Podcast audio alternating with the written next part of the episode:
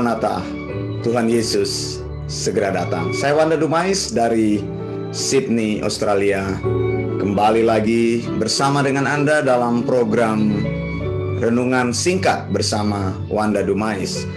Saudara yang dikasihi Tuhan, saya ingin bicara mengenai kapan Yesus dilahirkan. Nah, momen Natal yang baik ini adalah momen yang tepat untuk bicara mengenai kebenaran-kebenaran Alkitab. Mengapa saudara? Karena saat yang tepat pada saat Natal itu membuat orang menyadari bahwa mereka harus mencari Tuhan sungguh-sungguh, bukan mencari segala sesuatu yang tidak berkaitan dengan Tuhan, bukan mencari segala aksesoris yang tidak berkaitan dengan Tuhan. Memang betul bahwa perayaan Natal tanggal 25 Desember itu diadopsi dari perayaan pagan. Saya setuju itu. Tapi bukan berarti merayakan Natal itu adalah merayakan apa itu eh, cara-cara uh, uh, orang yang tidak mengenal Tuhan. Tidak seperti itu. Cuma seharusnya gereja itu tidak kembali kepada cara-cara pagan. Kita mencari Tuhan seumur hidup kita di dalam setiap momen apa pun, seharusnya kita menggunakan kekuatan kita untuk mencari Tuhan. Saudara yang dikasih Tuhan, coba lihat ayat ini, saudara.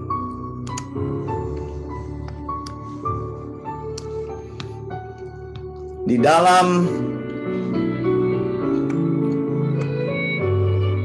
satu Tawarik 16 ayat yang ke-11 berbicara Carilah Tuhan dan kekuatannya Carilah wajahnya selalu. Nah, Alkitab terus-menerus memotivasi kita dalam momen apa pun prioritas kita itu mencari Tuhan. Mencari kekuatan Tuhan, mencari wajah Tuhan. Nanti saya jelaskan. Mazmur 105 ayat 4 bilang, "Carilah Tuhan dan kekuatannya, carilah wajahnya selalu." Dua ayat ini bicara hal yang sama, cari Tuhan dan kekuatannya dan wajahnya itu cari di mana ya? Cari di dalam firman-Nya, Saudara.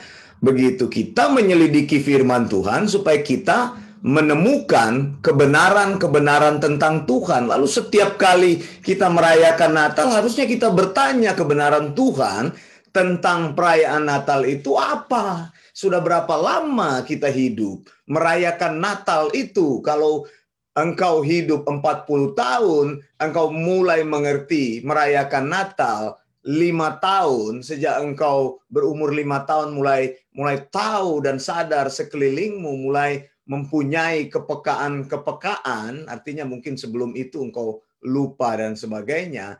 Nah berarti ada 35 tahun engkau merayakan Natal 35 tahun lebih tetapi tetapi kalau merayakan Natal terus-menerus tidak mengerti kebenaran firman Tuhan tentang itu maka apa yang engkau rayakan percuma begitu. Akhirnya yang saya lihat gereja-gereja kembali lagi kepada konsep pagan yang dulu sebenarnya perayaan Natal itu untuk membawa orang-orang yang di dalam pagan itu mengenal Tuhan. Tapi sekarang orang-orang dengan merayakan Natal jadi justru semakin melupakan Tuhan. Ini bukan kehendak Tuhan yang utama. Tadi saya sudah katakan dari firman Tuhan kita belajar bahwa Tuhan menyuruh kita untuk mencari Tuhan. Carilah Tuhan dengan segenap kekuatan kita. Carilah Tuhan, carilah wajahnya selalu. Mencarinya di mana? Mencarinya di dalam firman Tuhan. Nah, saudara yang dikasih Tuhan di dalam Lukas 1 ayat 5 sampai 9, saya ingin singgung beberapa ayat ini untuk memunculkan sebagai sebuah highlight. Pada zaman Herodes, raja Yudea adalah seorang imam yang bernama Sakaria dari rombongan Abia ya istrinya juga berasal dari keturunan Harun namanya Elizabeth saudara imam-imam adalah orang-orang yang dipilih langsung dari keturunan Harun. Sekali lagi keturunan Harun, saudaranya Musa. Jadi saudara jangan ngeyel mengatakan kalau engkau hamba Tuhan, engkau adalah imam. Lalu katakan eh, suamimu harus menjadi imam di rumah. Bukan saudara. Kata imam itu adalah imam yang khusus. ya Tidak ada orang yang bisa menjadi imam. Zaman kita di perjanjian baru ini imamat yang rajani. Kita adalah imam atas diri kita sendiri. Jadi kita bukan mengantara atas orang lain. Tidak. Tetapi di zaman perjanjian lama ada imam yang dipilih Tuhan secara khusus, yaitu mereka dari keturunan Harun. Jadi bukan orang-orang yang dari keturunan bangsa lain. Lihat, uh, dari keturunan suku lain di Israel. Lihat, Sakaria dikatakan adalah dari rombongan Abia. Lalu dikatakan di sini keduanya hidup benar di hadapan Allah, kemudian tidak bercacat. Mereka tidak mempunyai anak. Elizabeth itu dikatakan mandul. Mereka sudah lanjut umurnya. Kemudian ayat 8 dari Lukas 1 berkata, suatu kali tibalah giliran rombongan Sakaria Sakaria melakukan tugas keimamatan di hadapan Tuhan. Jadi eh, berita tentang Natal itu dimulai dengan Sakaria yang mendapat undian melakukan tugas di bait suci. Sakaria adalah dari golongan Abia. Nah, sesudah itu dikatakan ketika Sakaria pulang ke rumah bersatu dengan istrinya, maka istrinya Elizabeth itu menjadi hamil. Nah, kita bisa mendasarkan uh, apa kebenaran tentang Natal kita bisa cari di dalam Alkitab, jangan cari di tempat lain. Alkitab katakan bahwa Elizabeth mulai hamil ketika Sakaria selesai melakukan tugas keimamatannya. Dan Alkitab meneruskan catatan tersebut dalam Lukas 1, 26 sampai 28 kita baca malaikat yang sama datang kepada Maria yaitu malaikat Gabriel dan berkata Maria engkau beroleh kasih karunia lalu engkau akan hamil. Dan dikatakan oleh malaikat Lukas 1 ayat 36 sesungguhnya Elizabeth sanakmu ia pun sedang mengandung seorang anak laki-laki pada hari tuanya dan inilah bulan yang keenam bagi dia yang disebut mandul itu. Elizabeth yang mandul akhirnya dia bisa hamil dan dikatakan dia hamil sesudah suaminya bertugas di bait Allah. Suaminya dari rombongan Abia.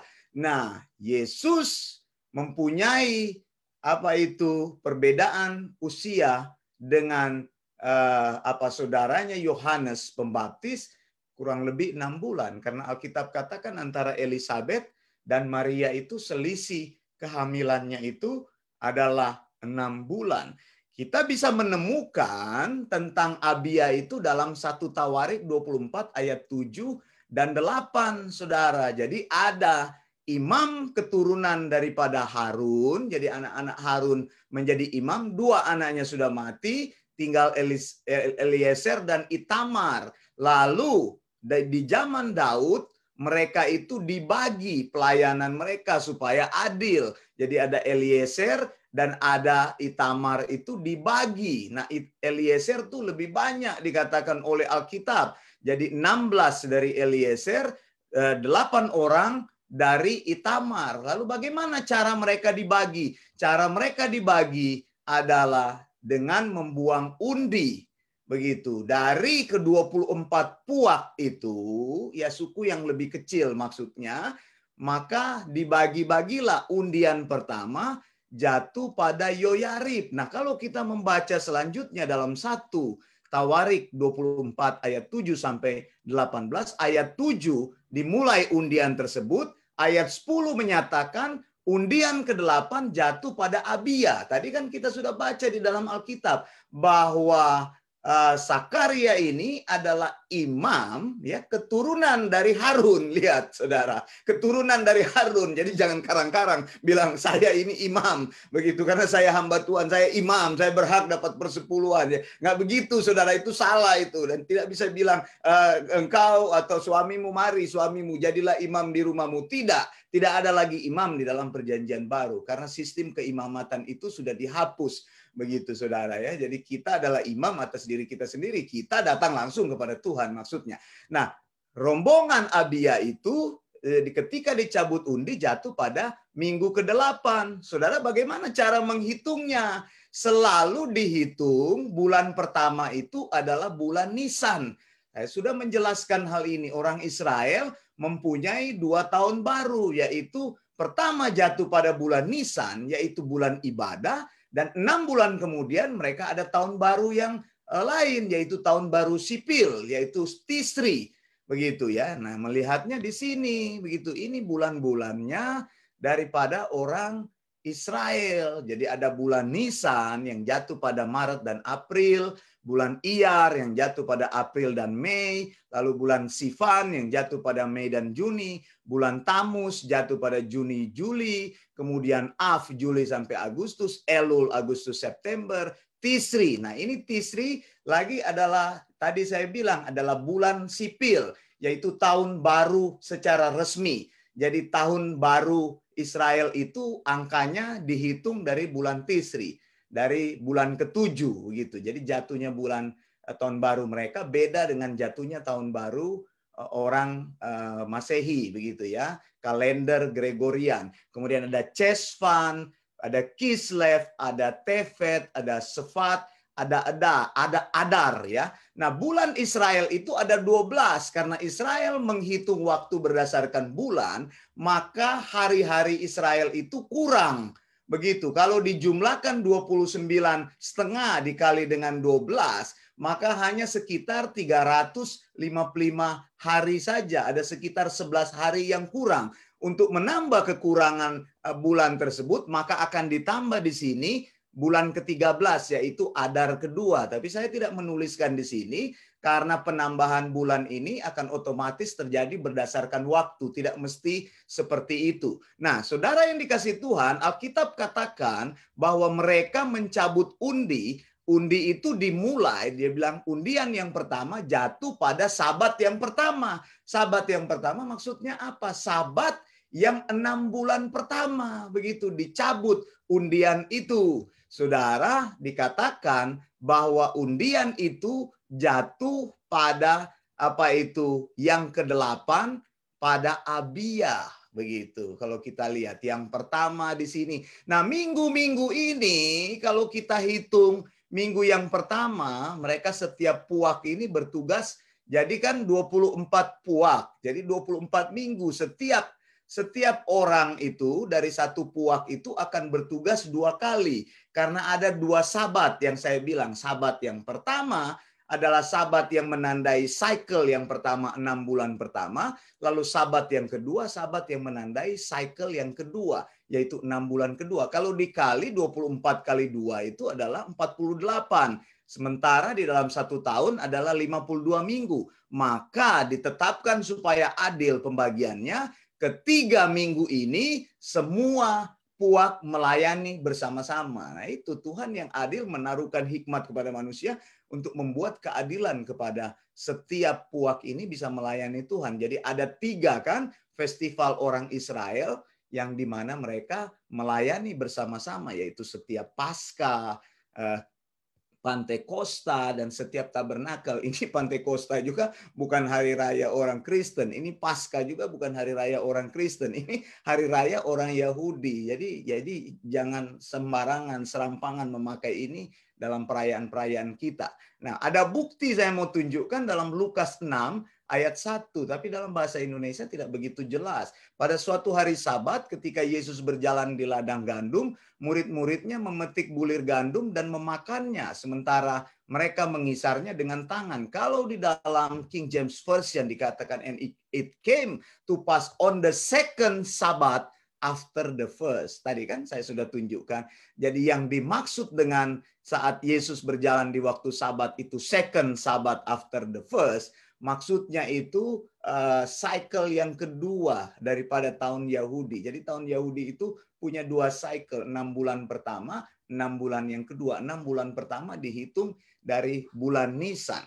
Nah saudara yang dikasih Tuhan, kalau kita melihat saudara uh, apa yang dikatakan Alkitab tadi, bahwa Sakaria mulai bertugas pada bulan ke-8, maka bulan ke-8 itu atau undian ke-8 itu sebenarnya kalau kita hitung setiap minggu satu puak bertugas, setiap minggu satu puak bertugas. Nanti ming, uh, sabat yang kedua juga uh, satu minggu lagi. Jadi satu puak itu bertugas dua minggu begitu, tapi dibagi dalam dua cycle. Jadi Sakaria bertugas pada minggu ke delapan di sini dikatakan ya. Dikatakan dia uh, bertugas pada minggu ke-8. Jadi nanti cycle-nya jatuh lagi di sabat yang kedua. Jadi setiap puak itu dua kali bertugas di di bait Allah. Jadi uh, dua minggu secara penuh dari sabat ke sabat. Nanti orangnya dicabut undi siapa yang akan jatuh untuk bertugas pada waktu itu yang kena undian begitu. Kalau kita saudara melihat maka apa itu undian daripada Sakaria ketika Alkitab berkata dia melakukan tugas keimamatan di sini maka berdasarkan catatan Alkitab kalender Israel itu jatuhnya pada bulan ketiga. Ini dia lihat di sini. Gampang melihatnya bulan ketiga. Bulan apa itu? Bulan Sivan dan bulan apa itu uh, Sivan yaitu bulan kita adalah bulan Mei dan bulan Juni begitu. Jadi Elizabeth mulai hamil pada bulan ketiga orang Yahudi. Saat itulah pengumuman yang diterima atau firman yang diterima Sakaria dari malaikat Gabriel. Lalu Alkitab katakan enam bulan kemudian maka Maria hamil. Begitu saudara, kan tadi kita sudah baca di situ. Kalau Elizabeth mulai hamil bulan ketiga, yaitu bulan Sivan, berarti bulan Juni akhir, kan bisa dihitung minggu-minggunya tadi kan. Jadi kedelapan undian itu terjadi. Maka apabila kita menghitung perbedaan kehamilan antara Elizabeth dan Maria yang berbeda enam bulan, jadi Maria itu sebenarnya akan hamil di sekitar bulan Kislev, November, Desember.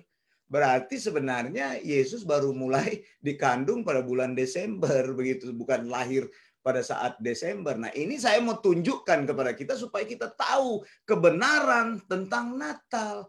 Kita mengerti tentang apa yang dikatakan oleh Alkitab. Alkitab bilang carilah Tuhan, maka engkau cari Tuhan bukan cari di mana-mana, cari di dalam firman-Nya supaya engkau mengenal siapa itu Tuhan. Begitu. Saya tidak peduli engkau merayakan Natal di tanggal berapa, di tanggal berapa dan di tanggal berapa. Karena itu adalah sebuah perayaan, tapi engkau harus mengerti bahwa sesungguhnya Yesus itu mulai dikandung di bulan Kislev.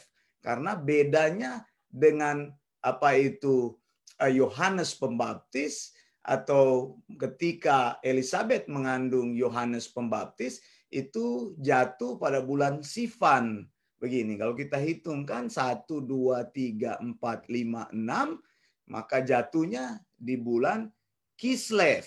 Begitu. Jadi memang tidak masuk akal mengatakan bahwa 25 Desember itu hari kelahiran Yesus sehingga ada orang yang bernatal bukan di tanggal 25 dia katakan pranatal ini salah kaprah di mana-mana ada pranatal pranatal jadi pranatal itu maksudnya menjelang Natal. Nanti 25 Desember lagi baru Natal itu semua. Orang kacau begitu apa itu pemahamannya. Nanti apa ortodoks akan melakukan Natal di bulan Januari. Gereja ortodoks itu Natalnya di bulan Januari itu. Minggu pertama Januari itu perayaan Natal dari gereja Katolik Ortodoks. Kan saya sudah bilang, gereja terbagi dua, eh, gereja Katolik yaitu gereja Katolik Barat beribu kota di Roma, maka disebut dengan Roma Katolik dan gereja Katolik Timur eh, yang beribu kota di Turki, Konstantinopel, disebut dengan gereja Ortodoks. Gereja Ortodoks tidak mempercayai di bulan Desember, mereka justru memajukan lagi di bulan Januari begitu. Jadi kan konyol juga